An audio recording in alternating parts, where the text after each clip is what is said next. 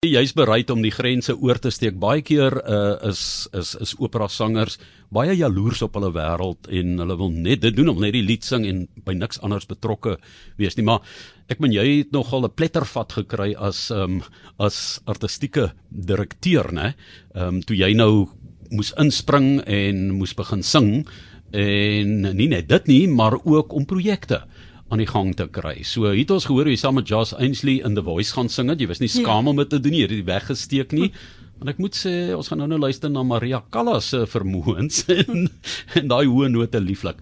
Vertel vir ons 'n bietjie van jou passie om hierdie uh, oorbrug genres uh, dan te oorkruis. Ja, wel Johan, ehm um, dit is ek ek glo nog altyd dat 'n uh, 'n 'n klassieke sanger veral in Suid-Afrika moet nogal veelsidig kan dink. Ehm um, omdat daar minder werk as in ander lande is. Ehm um, ons is 'n groot dam met baie goeie visse. Ehm um, maar daar's daar's min min kos vir die visse. So ons moet nogal uit die boks uit dink om gesien te word, om gehoor te word en dit is natuurlik hoekom ek um, begin vervaardig het op 'n jong ouderdom. Ehm um, was juist om vir myself hierdie geleenthede dan te skep. Ehm um, ek dink 'n deel daarvan is ook dat ek in my eie musieksmaak nie net altyd na klassieke musiek geluister het, uh, na opera geluister het nie. Ek het 'n baie wye musiek ehm um, kennis en 'n baie wye musieksmaak en ehm um, as jy kyk na my na my ehm um, playlist op my op my foon of um, my CD versameling by die huis of my plate versameling by die huis ehm um, sal jy sien dat dit strek van jazz ehm um, na opera na ehm um, jy weet sekere Afrikaanse musiek na ehm um, ou musiek na baie nuwe musiek na baie ekstreme elektroniese musiek. Dit was maar nog net my altyd my my ehm um, eie musieksmaak en my eie reis met musiek. Jy het ook in Phantom gesing, né? Ek het ja, so musiekteater was 'n was 'n baie interessante oorbrugging vir my. So omdat ek baie belang gestel het in elektroniese musiek, het ek toe die geleentheid gehad om hierdie verskillende ehm um, styl van sang te begin soort van ehm um, verken. En natuurlik dit altyd um saam met my onderwyseres die die wonderlike Nelly de Toey um wat my altyd tegnies gelei het om hierdie ander style selfs jazz te kan sing sonder om my stem ooit seer te maak. So dit is altyd vir my die reël is jy kan enigiets sing maar met 'n goeie en gesonde tegniek. Kom ons gaan na Maria Callas toe. Mm. Sy sou vir jaar 100 wees. Sy's op 53 oorlede en Dis van 'n stem gepraat. Haar stem het haar verlaat. Ja. Soos haar gewig haar verlaat het. En ja. daar word bespiegel dat sy in haar middeljare ehm um, met uh, dieetprobleme gesukkel het, toe vinnig gewig begin verloor het. Ek weet ja. nie wat se tegnieke nie en toe ja. haar stem verloor het. Is dit waar? Ja, so so sy's een een van die ehm um, jy het nou genoem dat ons besig is met masterclass by Theatre on the Bay en ons gaan laat, later ook ehm um, Johannesburg toe met die produksie en ehm um, dis dis 'n Terence McNally play en in in die play ehm um, is een van haar lyne ehm um, I lost I, I'm losing my voice it's all over the newspapers um but it's my nerves it's my nerve that's going en op die ou einde van haar lewe sy het so 'n um 'n gekompliseerde lewe gehad dat haar haar, haar dit was eintlik meer haar haar kop en haar um, jy weet nerves wat haar wat wat gemaak het dat sy nie meer kan sing nie. Die gewigverlies was iets wat sy wou doen. Sy um, verwys na haarself in die play as um, 'n uh, the fat greasy ugly Greek girl. Ek meen daar is nogal dis nogal uh, jy weet 'n selfbeeld aanval. Dis dis baie erg en ehm um, sy sy het net gevoel sy is hierdie vet meisie en sy wil haarself transformeer en ons allerlei teorieë oor hoe sy die die gewig verloor het, jy weet 'n 'n lintworm ingesluk en allerlei baie vreeslike dramatiese maniere. Ek weet nie wat die waarheid is nie, maar sy het halfte van haar liggaamsgewig verloor in 'n jaar. So sy het gegaan van 90 kg na na iets soos 54 kg in in 'n jaar wat baie ekstreem is. En ehm um, wat ek weet van sang is dat as jy so vinnig gewig verloor dan gaan dit jou um, stem beïnvloed en natuurlik ook hormone. Ehm um, wanneer jy 'n bietjie ouer raak dan verander jou stem ehm um, veral 'n vroulike stem as gevolg van van hormone. Ja, um, ons het 'n ongelooflike rykwyte gehad, né? Ongelooflik. Ja, ons gaan nou nou ons gaan nou nou 'n bietjie daarna luister. Wonderlik. Maar ehm um, ons gesels oor Maria Callas en sy het die verbeelding aangegryp. Ek dink ook oor haar privaatlewe. Jy weet Aristoteles, Onassis, maar ook die drie mans die die mense wat sy gehad het al lewe vroeg sonder haar ouers en toe ehm um, Aristoteles kom en hy het deur dieselfde ding met die oorlog sy pa en ook vroeg sy ma verloor het. Hulle 'n uh, gemeenskapheid gehad daarin, maar dit het nie vir ewig gehou nie, veral toe Jackie Kennedy Ja, absoluut. Haar haar lewe is amper in drie fases. Sy die sy die beginfase waar sy waar sy nou die die die vetter weergawe van haarself of voller weergawe van haarself was, waar sy ongelooflik vinnig um wêreldberoemd geraak het. En daar was sy getroud met um Giovanni Battista Meneghini wat ook 'n vreeslike ryk ou was, maar baie ouer as sy. En sy het nooit saam met hom sensueel gevoel of vroulik gevoel nie. Hulle het nooit kinders gehad nie. En toe sy die affair met Aristotle Onassis begin en haar huwelik verbreek, het sy ewe skielik haar vroulikheid gevind en sy praat baie daaroor in in onderhoude. Um en baie openlik laat sy soort van 'n seksuele ontwakening gehad het saam met Aristotle Onassis en is baie pertinent in die in die play wat jy nou self ook gesien het. Die goed wat hy sê is dis dis amper kru. Ja. Hy's vreeslik kru en amper griesaam oor hulle oor hulle sekslewe. Dit is nogal dis nogal iets om aan te hoor. Ehm um, so daar's ook baie daar word vermoed dat hy al so bietjie ehm um, jy weet abuse het. Uh, ek weet nie hoe waar dit is nie, mense weet nie, maar dit was 'n ge geweldige gekompliseerde verhouding. Was, daar was reeds verbale aanranding as jy mens kyk. Selfs waar ander mense teenwoordig was, goed wat hy ja, oor haar gesê het. Absoluut, nee. ja, absoluut. Ehm um, so dit was 'n dit was 'n gekompliseerde verhouding en dit was omtrent 10 jaar en toe Jackie Jackie Kennedy in die in die prentjie ingekom en soort van haar plek gevat en ehm um, dit dit het haar hart gebreek. Maar hoekom word sy so geïdealiseer? Is dit werklik oor haar stem? Ek bedoel jy's nou 'n kenner, ek is ja, nie, dis hoekom ek jou vra. Dit gaan nie net oor haar stem nie en dit is ook een van die goed wat sy sê in in in die play is dat um just having a pretty voice isn't enough. You have to you have to feel the music, you have to listen. So sy sy um sy het baie geglo dat wanneer jy sing is die die die vertolking van die rol en die vertolking van die storie en emosie is so belangrik dat dit amper die musiek kan oorvat. So jy mag amper lelik begin sing as jy ehm um, ek sê dit in aanhalingstekens. Ehm um, maar 'n 'n 'n 'n kreer klank maak wanneer jy byvoorbeeld Lady Macbeth of Norma sing om by die emosie uit te kom. Vir haar was dit toelaatbaar en in daai tyd waar um, in die opera wêreld praat, praat ons van park and bark waar jy net soort van staan, jy plant jouself en jy sing vreeslik mooi en jy stap stap uit en dit is dit en almal skree en gil. Sy daai daai gebreek. Ja, ek wil net vinnig vir mense sê wat dalk by die produksie kan uitkom. Dis dis dis 'n meesterklas ook vir jou wat in die gehoor sit, want daar's drie gevalle studies van sangers wat uit die Kaapstad Opera skole uitkom, baie talentvol, maar hulle word so op die eerste noot sommer gestop, maar dan word jy deel van die meesterklas en dis daai tipiese ding van jong mense wat entoesiasties is inkom en sê ek wil die grootste sanger word, want Mario Lanza het vir my dan vat sy hulle dan breek sy hulle af en um, gaan deur die vlakke van denke. Ek weet die een sanger sê waar is jy? Nee, ek is in Rome. Ja. Waar in Rome? Nee, ek is in 'n kerk. Wat 'n kerk? Nee, ek, ek weet nie. Wat doen jy? Ek skilder. Hoekom skilder jy nou daar? Nee, ek weet nie. Hoekom skilder ek nie? Maar nee, jy's baie verlief. Jy sit gestaan dit. Dis hoekom jy daar staan. Maar hierdie kerk en dat jy die konteks waarvan jy is en dan kan jy binne jou talent dit soveel ek dink sy was baie goed daarmee. Sy was ongeloof, sy was 'n baanbreker daarin. En uh sangers sing nou nog so geïntegreerd as gevolg van haar baanbreekwerk in in die opera wêreld. As 'n bietjie um uh, multimedia projeksies van haar. Is dis eintlik 'n uitmuntende biografiese verhaal. Mens leer so baie. Maar um, ek gaan net so 'n stukkie van haar stemming. Wil dit vir mense laat hoor waardeur sy ons kon neem.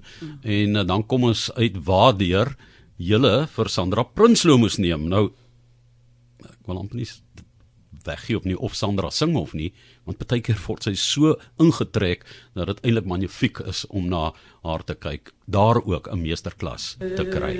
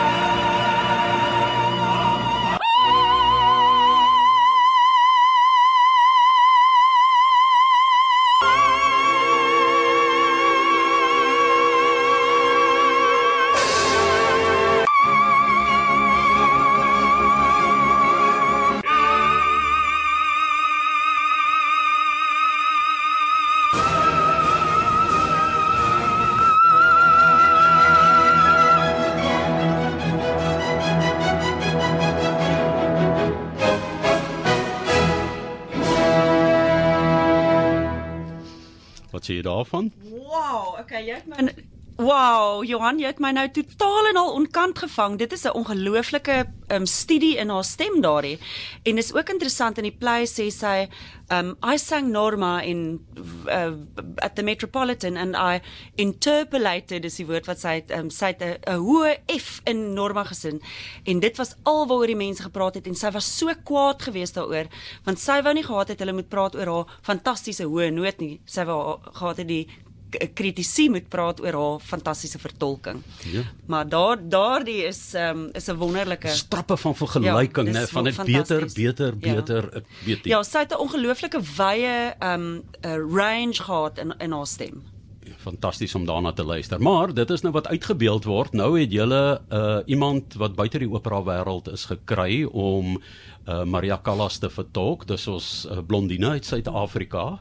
Dis Sandra Prinsloo en sy moet nou hierdie ja. donker kop Maria Callas speel. Hoe doen 'n mens dit? Wat het wat het julle gedoen? Hoe gaan 'n mens te werk? Wel, die ding is met met met met hierdie tipe play, ehm um, moet jy kyk na na wie jy kry in die rol. Jy kan nie gaan soos met 'n film met iemand wat lyk like soos Callas nie, want ehm um, dis so Sandra self sê, hierdie is twee een 'n uh, vrou vertonings in een want dit is 'n lang stuk, dis 2 ure lank. Dit is ongelooflik baie teks om deur te kom. So eerstens moet jy die beste opsie in Suid-Afrika aanstel vir die rol, wat dan ons blou oog Callas is, Sandra Prinsloo. En tweedens vat dit dan 'n span om haar te transformeer. Ehm um, sy uh ons almal weet sy baie baie blonde hare so ons het natuurlik met 'n pruik gegaan en ons is deur 'n hele paar pruike om die perfekte pruik vir haar te kry en toe ons nou eers die perfekte pruik het Ehm um, want pruike is maar 'n moeilike ding want dit word gevorm om jou kop met die net en dan dit gaan oor die kwaliteit van die hare en dan ehm um, die die die die pruikmaker moet dan seker maak dat dit reg gestileer word. So ons het baie ehm um, gekyk na die die tyd waar hierdie meestersklasse ehm um, uh soort van speel en wat se tipe haarstyle sy in daai tyd gedra het en dit is dan nou waar ons by hierdie spesifieke haarstyl uitgekom het maar wat dan nou ook vir Sandra se gesig werk. So dis so 'n bietjie van 'n ehm um, dis 'n bietjie van 'n dans. Ehm um, natuurlik uh, ek dink sy lyk fenomenaal as as Maria Callas ons lag baie daaroor want sy het potblou oë en Callas het natuurlik donker oë gehad. So dis eintlik die enigste ding wat wat nou verkeerd is en nie Callas is nie, maar verder die gremering het ons regtig baie moeite oor gedoen om om dit perfek reg te kry en um, ons gremeerkunstenaar Stevie doen 'n wonderlike wonderlike taak daarvan om um, sy dit vat vir vir Sandra 'n uh, goeie 2 ure om die pruik en die en die gremering alles absoluut perfek te kry. En um, ek het gister gespot en gevra, ek wonder hoeveel um, van die swart um, eyeliner die liquid eyeliner hulle deur gaan want daai daai streep van Maria Callas die cat eye noem ons dit is so groot en dit was haar dis haar look sy sy sê ook in die play um uh, if you don't have a look get one. It's very important as an artist to have a look. En sy sê sy het nie 'n keuse gehad nie. Sy sy was weer eens die fat ugly girl and I needed I knew I needed a look. En dit is deel van haar look is hierdie vreeslike cat eye wat sy aangeverf het. En um, ek dink ons gaan deur liters van die goed gaan in hierdie produksie. uh, uh, jy sê ehm um, Dias wat nou die pianis is, hy het ook 'n kameerrolletjie want hy ja. daai verhouding tussen 'n uh, sanger en die begeleiers, dit is 'n dis baie spesiale mense wat soms agter daai klavier onopsigtelik sit, Absoluut. maar hulle is vlamskerp met hulle hier. Onthou, hulle het al die waarnemings. Hulle kyk die fliek, né? Ja. Want sy ook speel. Ja. Ja, en ek meen jy sien nou gesien het gisteraan die die die die soort van kommentaar wat hy wat hy net so oor sy brilletjie kyk. Ek meen ons het ons het regtig baie moeite gedoen in hierdie produksie om elke um rekwisiet of um uh, prop in Engels uh is met die hand gekies. Dit is die laat 1960er begin 1970er jare en um die brilletjie wat hy aan het is dit die tipiese Joodse brilletjie van daai tyd so piep klein leesbrilletjie en hy loer so oor dit en hy hy um ja hy is fantasties die transformasie wat Josias gemaak het vir die rol van Manny Weinstock is nogal nogal een vir die boeke die Amerikaners die Grieke die Jode al die kultuur van daardie tyd en die speelsheid daarvan die kom ook na vore kyk van vandag se terme lyk dit soos 'n tannetjie, né? Ehm um, wat, wat daar staan, maar dit is soos die klere drag van daardie tyd was. Ja, sy het, sy het gereeld ehm um, daai Chanel tipe van pakkies gedra en dit was presies waar die inspirasie vir hierdie uitrusting um, gekom het. Sy jy sien ge, op op baie van haar foto's sal jy sien sy daai daai tipiese Chanel baadjie aan. So ons het nou natuurlik met met Sandra se se se lengte en haar ehm um, haar figuur gewerk.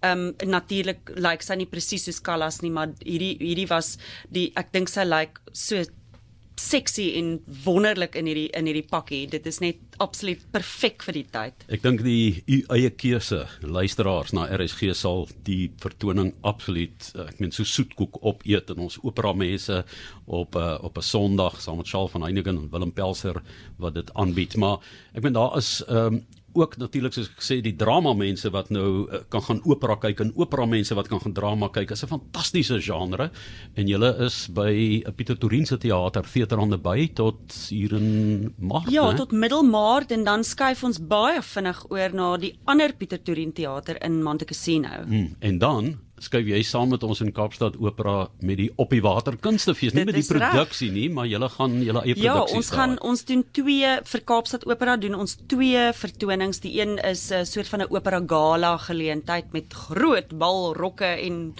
uh dis meer en dan doen ons ook 'n baie lekker musical theater program en dit is alles onder die uh, musikale leiding van Diaz wat natuurlik die beste is. Ehm um, en dan doen ek en Jose ons eie program ook en Jose doen self ook 'n solo program op die water. So ons gaan besig wees op die water. Dit gaan heerlik wees van 11 tot 15. Onthou ek gaan net nou ehm um, ook die kompetisie weer vir julle gee 11 tot 15 April en dit is van Kaapstad na Namibië en Kaapstad Opera wat op 'n hoë noot gaan insit vir ons um, op hierdie drywende kunstefees. 'n Baie spesiale ervaring. Jy het nog nie so iets gedoen nie, né? Nee, nog nooit. Dit is 'n eerste vir ons en ek is ehm um, saam met Frans Swart so bly dat ons hierdie geleentheid kry. Ehm um, hy hy wou eintlik gehad het dat ons 'n volle opera moet doen, maar dit gaan moet kom met die groter skip. Yes, en verstaan volgende jaar kom daar 'n groter skip aan. So kom ons kyk of ons hierdie ene agter die blad kan kry. Ehm um, Magdalene Minnar, die artistieke direkteur van Kaapstad Opera wat hier by ons gekuier het, Sandra Prinsloo, skitterende meesterklas wat sy gee in die rol van uh, Maria Callas, maar ook die ondersteunende aktrises, twee van hulle, die die gevalle studies, die case studies is briljant. Jy kan gaan kyk daarna, dit baie geniet. Ehm um, een tenor waar moet ek lekker by die tenore en hulle IK's gespot daar. So gaan kyk self dan as jy 'n tenor is en lag lekker saam. Baie sterkte vir julle in welgedaan met hierdie tipe projekte om dit gewild te maak. Soos Elvis nou op die silwerdoek, soos ehm um, Queen, jy weet wat uh, vertolk is ehm um, die die lewe van Freddie Mercury, die akteurs wat moes transformeer in daardie mm. rolle in so doen Sandra dit en Maria Callas met julle hulp nê en ehm um, dis absoluut baie baie dankie. Dankie, dankie Johan.